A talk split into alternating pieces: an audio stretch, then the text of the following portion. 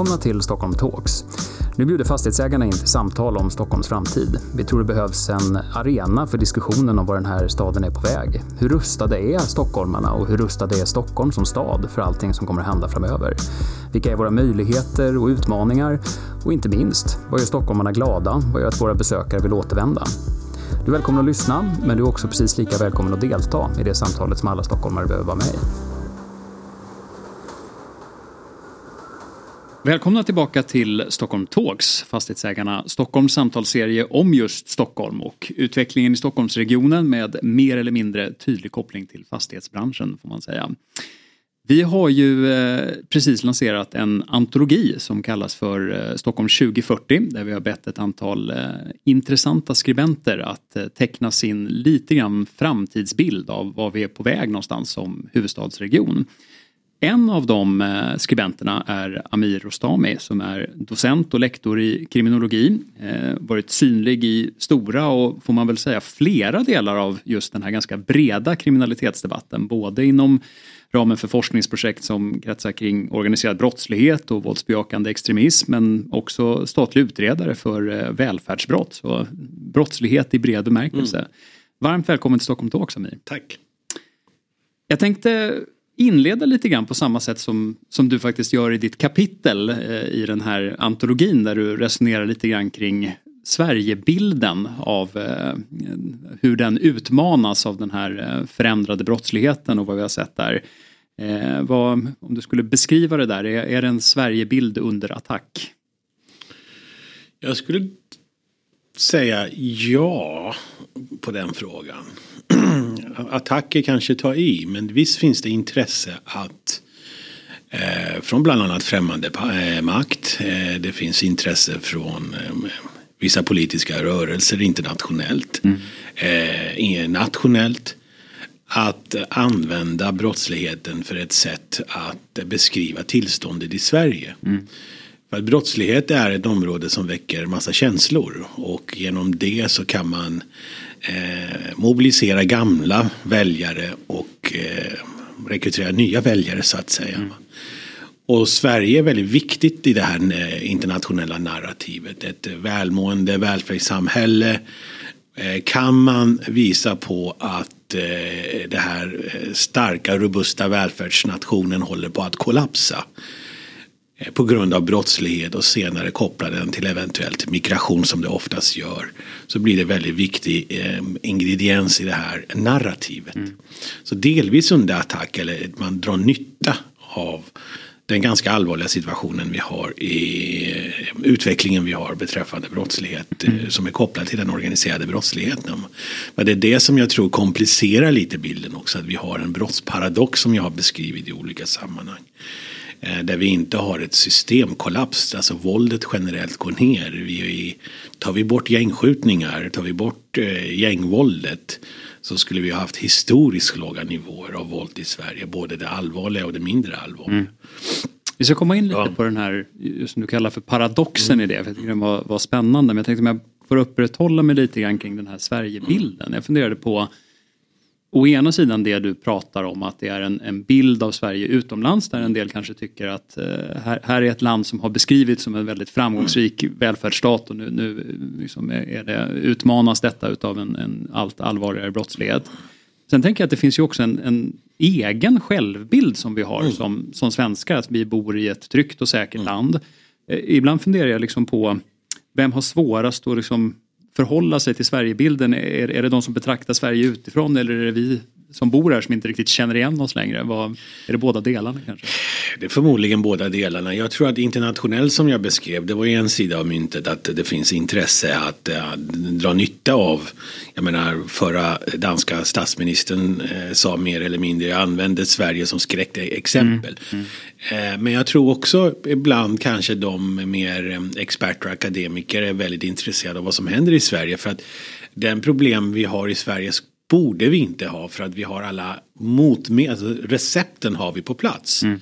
Ett robust eh, samhälle, stark tillit, eh, mycket resurser, eh, starkt civilsamhälle. Egentligen alla recept som man brukar rekommendera till länder som har jättestora problem med, med organiserad brottslighet. Och, och de har vi, trots det har vi de här problemen. Mm.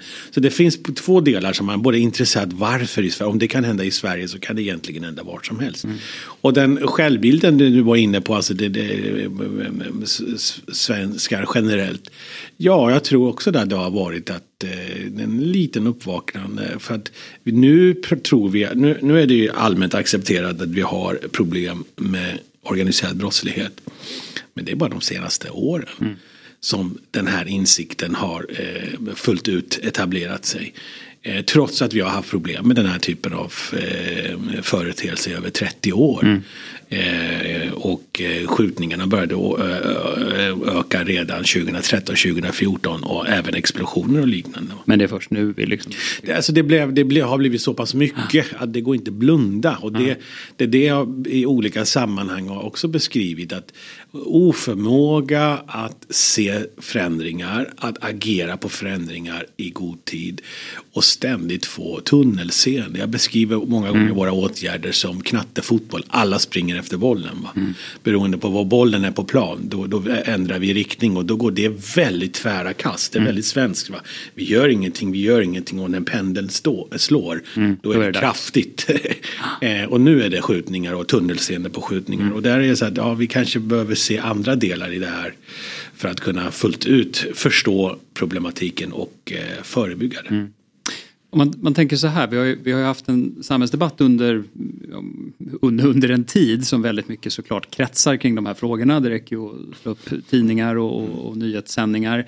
Även om man också har reflekterat över att det som nu står på notiserna var mm. det som var på första sidan för, för några år sedan. Eh, och sen den här Sverigebilden som du pratar om. Men, men med paradoxen och annat, om man tänker sig så här då med din bakgrund och liksom det här forskningsbaserade förhållningssättet. När du träffar utländska kollegor och säger så här, men hur allvarligt är läget i Sverige? Mm. Vad, vad, vad säger du då? Jag säger ju att äh, situationen med den organiserade brottsligheten är all allvarlig utifrån svenska mått. Mm. Vi ska inte jämföra oss med södra Italien eller eh, Colombia eller Mexiko för den delen. Men utifrån eh, om vi jämför oss med, med länder som vi bör jämföra Som vi brukar oss. jämföra vi brukar jämföra oss. Då har vi väldigt stora problem med den organiserade brottsligheten. Och jag brukar samtidigt eh, eh, beskriva att ja, men det, det, här, det här är para, den paradoxen som är intressant. Mm. Och som många intresserar sig. Men jag skulle säga att de är, det är inte skjutningen i sig folk är, är jag träffar mycket amerikanska kollegor i olika sammanhang. Det är sprängningar. Mm. Okej, vi har också skjutningar. Varför har ni så mycket sprängningar? Varför har vi? Eh, ja, det kan man fråga sig. Jag tror att I den i gängmiljön så brukar ju saker och ting sätta sig. Mm. Så att eh, har någon börjat spränga och man inte har fått bukt på de här eh, någon lärde sig göra bomber och sen blev det modus operandi. Ja, det är väldigt enkelt så. Mm. Ja, för att om du kastar handgranat mot mig och jag, om jag skjuter mot dig då är jag inte lika tuff. Mm. Så jag måste också agera eh, och, och, så vidare. Och vi, och vi kommer komma in på det men jag tror att det stora tillkortakommanden eh, som kanske också var en förklaring till varför vi har den här situationen. Att vi har inte egentligen, vår brottsbekämpning har inte fungerat de senaste 30 åren. Och mm. sakta men säkert istället för att vi ska bli bättre har vår förmåga eh, urholkats. Vi har blivit sämre eh, i den bemärkelsen att den organiserade brottsligheten har blivit delvis mer komplex, mer specialiserad och vi har blivit generalister, mindre specialister. Mm. Det är på ett sätt ganska deprimerande tanke om man tänker att en, en samhällsfråga får allt mer uppmärksamhet. Det blir mer och mer resurser som skjuts till. Det blir liksom fokus på frågorna. Mm. Och ändå så är din bedömning att vi har blivit sämre på, Ja men vi, vi, sa, vi saknar ju helhets, alltså från kriminalpolitik oavsett regeringsfärg eh, på regeringen. En, en helhetstänk kring från, från topp till, till botten hur vi ska göra eh, vilken riktning vi ska eh, ta. Eh, vi har väldigt lite management accountability generellt. Det finns delvis i näringslivet men det, det avsaknaden när det gäller i myndighetsövningen är ju den är obefintlig. Va? Vi har inte den kulturen i Sverige. Det är väldigt mycket tillit och kontroll är något mm. negativt. Eh, så det, det, är, det är en Så det är många delar här som jag tror om du jämför oss med Danmark. Många tror att det är lagstiftningen i Danmark som är tummen upp. Bara vi mm. har lagstiftningen i Danmark så, så löser det sig. Ja, du kan ha livstidsstraff och allting. Men brottet måste upptäckas och individerna måste lagföras. Och då kommer vi tillbaka till operativ förmåga. Eh, i, i, I Danmark har man det som har fungerat, alltså det är ju snarare eh, handlingskraften, specialiseringen på polisen eh, som har gjort att de har kunnat tygla sin utveckling. De har inte löst sin gängproblematik. Många tror att ja, men Danmark har löst sin gängproblematik. De har tyglat. Mm. Det visar utvecklingen inte, har inte varit negativ. Och det är tack vare att de har haft förmåga att trycka tillbaks menar, menar jag. Eh, mm. jag. Jag tänker lite grann så här du nämnde ordet narrativ inledningsvis här och det, det är ju det är ett sånt här begrepp som förekommer väldigt mycket i, i, i samhällsdebatten ja. i stort numera. Eh, jag, jag tänker lite, är en del av det här att hitta en gemensam uppfattning både om vad problemet är och hur stort det är. Alltså det jag menar egentligen så här att mm. vi har ju fått väldigt mycket en samhällsdebatt som inte bara handlar om att vi, vi bråkar om lösningarna på ett problem utan vi bråkar om, om själva problembeskrivningen. Och, och där får ju åtminstone jag uppfattningen att det här, det här är ju liksom typfrågan. Att ibland handlar bara debatten om att man bråkar om hur stort problemet egentligen är och att vi använder det i massa andra syften för det, ja. det finns ideologi och politik och sådär. Hur, hur hittar vi en, en beskrivning som vi kan vara överens om. Förstår du vad jag menar? Alltså... Alltså, jag tror att själva beskrivningen nog inte är svårt att göra. Och jag delar din uppfattning och jag har i ett annat text, Snabbt tänkt som var recension efter valet, skrev ju det här ju att det här berättelsen varför, det, varför kriminalpolitik är en konfliktyta är ju för att eh, på något sätt om du äger berättelsen om brottsutvecklingen så äger du också berättelsen om samhällsutveckling. Mm. Det påverkar så många olika problemområden. Så jag menar det kan, det finns ett, nästan ett intresse att behålla konflikt, alltså kriminalpolitik som konfliktyta. Men jag menar visitationszoner och anonyma vittnen. Det är ju inte, det är inte gigantiska, alltså det är inte den typen av åtgärder mm. som ska vara eh, det som delar havet mellan vänster och höger så att mm. säga. Men det blir symbol. Det blir symbol för att man där, det, på något sätt så visar det att det, det, det, det är skillnaden mellan blocken. Mm. Eh, så att jag tror att det är där som gör att det finns andra typer av intresse att, som gör att man kanske vill bråka om mm. problembilden. Mm. Att man inte kommer överens om. Och det kanske är symptomat. Alltså om du tittar även på jag brukar säga till folk som frågar mig, alltså man tror att inom myndigheterna så är det, pågår det full panik över situationen. Mm. Men det är ingen som har panik. Mm. Alltså man konstaterar att det är allvarligt men någon panik är det ingenstans. Va? Det är nästan business as usual. Man jobbar på. Och jag tror att det kanske vår förmåga att snabbt acceptera utvecklingen är också ett, ett mm. problem. Men sen är det väl det där att, jag menar flera, apropå narrativ och annat, att flera saker kan ju vara sant samtidigt som delvis motsäger Du har ju en formulering som, som jag tyckte var väldigt rolig eller intressant just det här med att sammanfatta läget så skriver du någonstans i kapitel, vi har fått en en brottslighet, eller vi har fått brottslingar, de är färre men värre våldsverkare. Och det, det, där någonstans beskriver du ju båda två olika utvecklingar som båda är sanna. Och, och har helt rätt och det kommer ju från ett kapitel som i en antologi som vi skrev om det svenska tillståndet av tre kollegor, kriminologikollegor om, om färre ungdomar men värre ungdomar. Va? Eh, och det är ju den här paradoxen vi menar att om du kollar på personer som har blivit inlagda på sjukhus de senaste 20 åren så har det minskat med 30 drygt 38, 38-39 procent. Samtidigt har personer som blivit inlagda på sjukhus på grund av knivstickande föremål ökat med ungefär, jag tror också det är 38-39 procent och skottskador med 200 procent. Mm. Så du har ju den här delen. Och jag, jag brukar säga att den lägsta nivån av dödligt våld de senaste 50 åren det var 2012. Mm. Så det, är de här, och det, det, det, bidrar ju nog till komplexiteten och gör att man kan välja vilken del av verkligheten man vill beskriva eller betona. Mm. Är det lösningarna eller problemen? Och det beror på om, om, om, man pratar om politik, det beror på om man sitter i regeringsställning mm. eller inte. Mm. Sitter man i regeringsställning så pekar man gärna på det, det goda och är man i opposition så pekar man på det onda. Mm. Spelar sina roller. Den rollen. Men jag tror att vi, vi behöver en, en nationell samman... 2015 skrev jag att vi behöver en nationell strategi. Mm. Eh, nu är på väg att komma en nationell strategi. Och det är ju inte strategin som sådan som är viktig utan innehållet. Men ett gemensamt att komma till en punkt att ja, ja, vi har inget systemkollaps. Men vi har allvarligt problem. Mm. Låt oss på något sätt hitta ett sätt att hantera det. Ungefär som utrikes, alltså säkerhets och försvarspolitiken. Eh, det finns en, en en förståelse att det här kan till och med vara en existentiell fråga. Mm. Så att här måste vi, vi, vi behöver hitta lösningar som är långsiktiga och där, där är vi inte än menar jag. Tänk också på det här som du delvis också är inne på både i kapitel och när man lyssnar på det i övrigt att en del av det här med narrativ och så mm. det att vi, vi lever på något sätt i, i olika verkligheter och man lever i sina ja. filterbubblor och man mm. får sina egna åsikter bekräftade och sådär.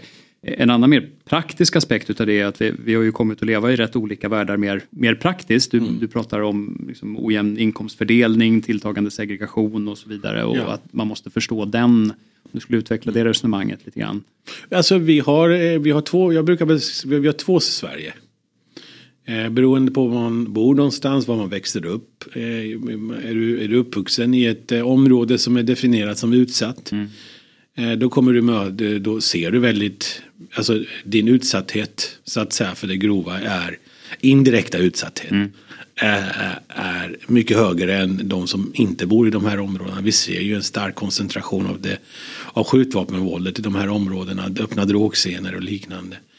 Eh, så det är en liten andel av befolkningen som inte längre är så liten mm. om man kollar vilka, hur många som bor där. Men det är ändå en, en, en, en andel, en mindre andel av befolkningen som drabbas extremt mycket mm av den här utvecklingen medan det övriga. Men jag vill skulle säga att det, det, det, är en sida av det här problemet. Det synliga våldet är problem. Men eh, jag, jag, vi ska vara minst lika oroliga om inte mer oroliga för det som inte syns. För det som är mer systemhotande, det, det kan, och då är det allt från bedrägeri och välfärdsbrottslighet och påverkan på näringslivet och osynd konkurrens och allt det där som inte syns. Mm. Eh, lika mycket. Den, det är en, en brottslighet som omsätter betydligt mer i brottsvinster än vad narkotikan och, och det dödliga mm. Och som vi våldet. pratar mindre om egentligen. Vi pratar mindre och, och det beror ju på att det synliga våldet pratar vi mer för att det syns. Mm. Så om det skulle gå ner kraftigt utan att egentligen gängen försvinner men mm. att man skjuter mindre för att Plötsligt så kan vi se för en, en, en, en, monopolställning inom den organiserade brottsligheten som gör att våldsnivån utan vår inblandning eh, sjunker drastiskt. Då skulle vi ju sluta prata om våldet. Mm. Eh, samtidigt om alltså problemet finns där. Mm, eh, så, och det, jag tror att det, det, den, den Ja, det är lång väg att gå innan vi har den här en acceptans för den komplexa bilden men samtidigt en förmåga att hantera alla de här delarna. Mm. En, en sån där, vi har delvis varit inne på det i samtalet, men det är klart, det är inte en systemkollaps, du beskriver just det här med att vi har ändå ett fungerande rättsväsende, yes. vi har liksom eh, lagstiftning kanske i stor utsträckning som behövs. Och så, så citerar du eh, borgmästaren i Palermo som, mm. som ju beskrev kampen mot maffian som en vagn med, med två hjul. Ja. Där ena hjulet är rättsstaten och det andra är civilsamhället och medborgarna. Mm. Vad, det pratar vi ju ganska lite om. Mm. Eh, vad, vad borde hända mer? Vad ska man göra som medborgare då? Som medborgare på något sätt tror jag att det är viktigt att, att se på vilket sätt man kan för det första inte bidra till den här mm. brottsligheten. Eh, allt ifrån, man brukar ta som är klassiska, eh, det, det, ta kvitton och gör, gör rätt för dig och, och, och den typen av. Eh, det, det, är den ena delen. Den andra delen är att, att påverka sina beslutsfattare, alltså mm. politiker och andra typer av förtroendevalda.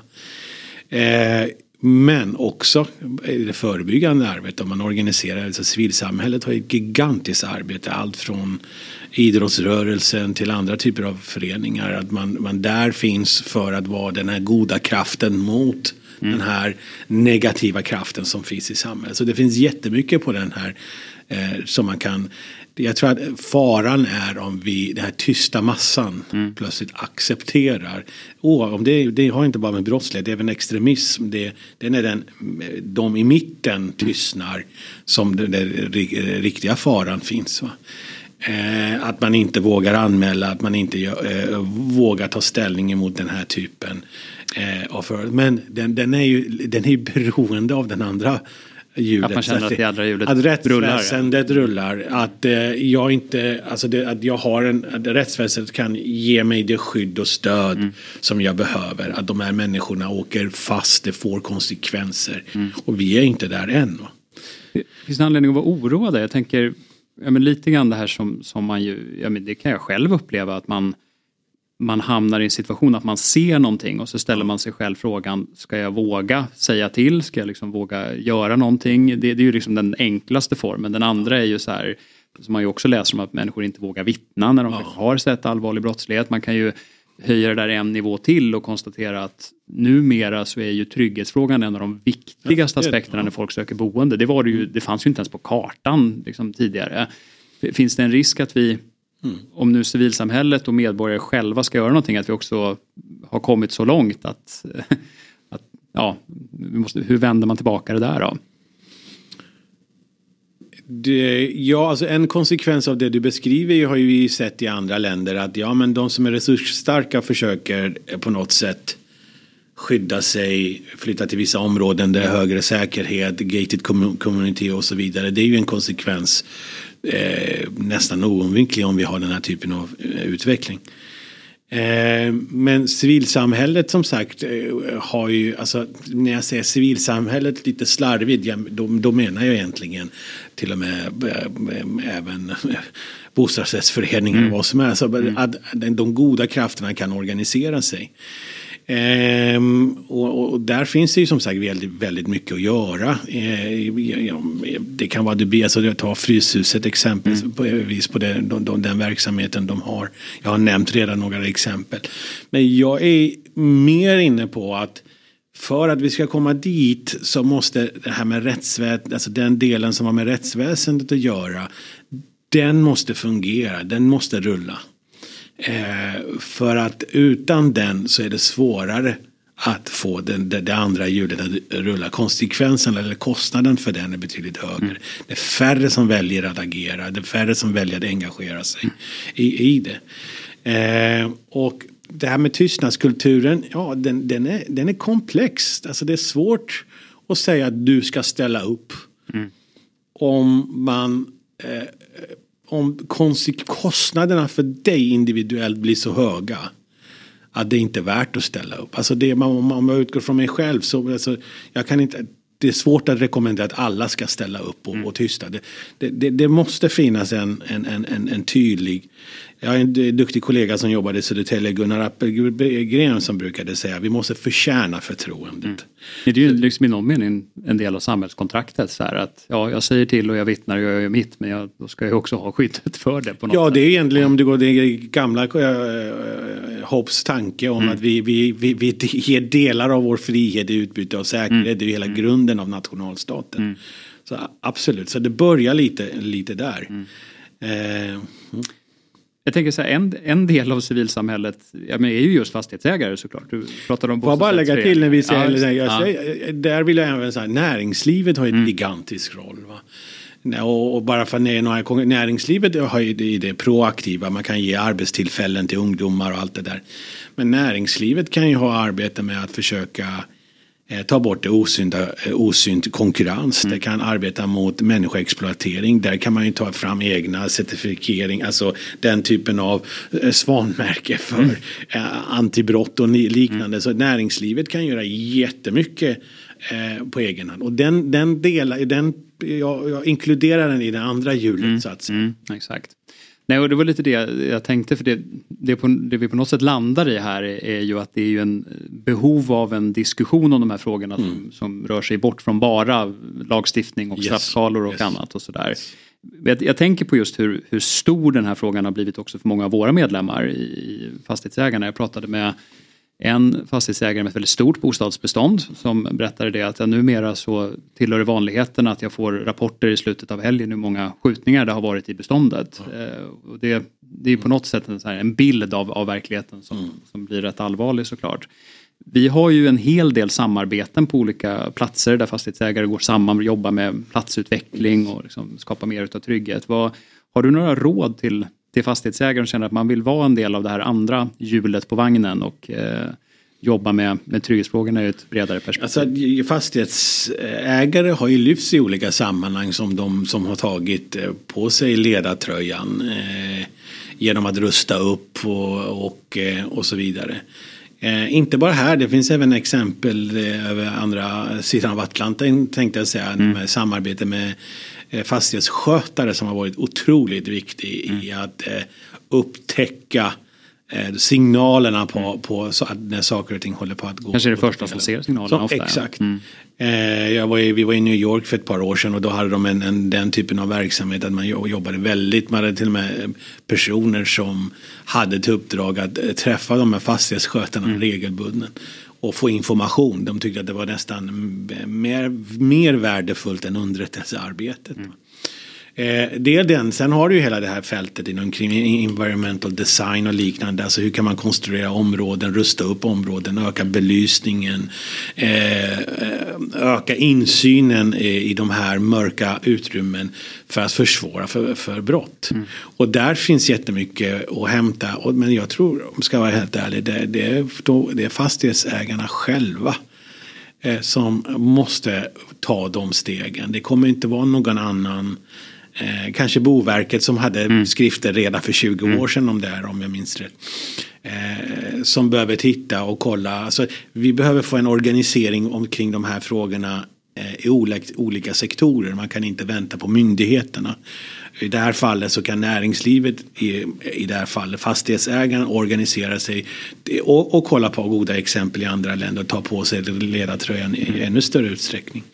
Eh, som sagt eh, Ja, det finns en hel del. Det finns en hel del att göra och just det med, med att jobba med eh, situationell brottsprevention och eh, förändringar i, i, situationen för att försvåra eh, brott och öka tryggheten. Det finns ju ganska mycket material kring mm. man kan ta till sig. Och jag vågar nog lova att vi, vi kommer ha mycket fokus på frågorna från fastighetsägarnas sida framöver. Vi ska bland annat ha en, en större konferens i slutet på mars med, mm. med just tema kring, mm. kring hela det här området och inte minst mycket av fastighetsägare gör och vill göra mm. och också lite grann vilka utmaningar de ibland ställs inför när lagstiftningen inte är med.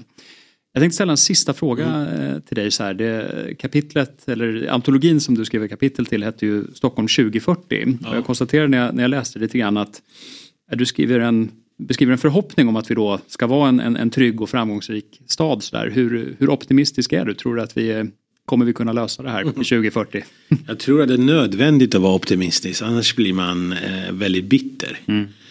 Eh, men eh, jag kan väl säga så här, jag ser inga signaler att vi inom de närmaste åren och då menar jag 5-10 år kommer att vända utvecklingen med, med, med ett parentes. Som sagt, det kan, eh, många gånger så har den organiserade brottsligheten ett inre liv så får vi ett, eh, som jag kallar det för hegemonisk ställning mm. som vi hade under delar av 90-talet. Där man bygger allianser, eh, där man kommer överens om att lösa sina konflikter på annat sätt så kan det påverka våldsnivån eh, avsevärt men det behöver inte betyda att problembilden är bort. Men jag ser inte de, de, de här kraftfulla åtgärderna så att på kortsiktigt är jag ganska pessimistisk. Mm. Eh, men eh, jag, i hjärtat är jag optimism och hoppas att eh, på något sätt att saker och ting hamnar på rätt plats och det går att vända utvecklingen. För jag tror annars så, så eh, har vi nog en annan, annan, ett annat Sverige 2040 än vad vi har idag. Eh, så att, men det, det, det krävs snabba ryck och kraftfulla ryck och eh, för att möta just den här vågen av individer som har ja, ett, jag skulle kalla det nästan, nästan antidemokratiskt syfte. Mm, exakt. Ja, vi får uh, fortsätta prata mm. om frågorna helt enkelt i många delar utav samhället. Mm. Mycket intressant att få prata med dig idag. Miro Stami, stort tack för att du ville vara med tack. i Talks.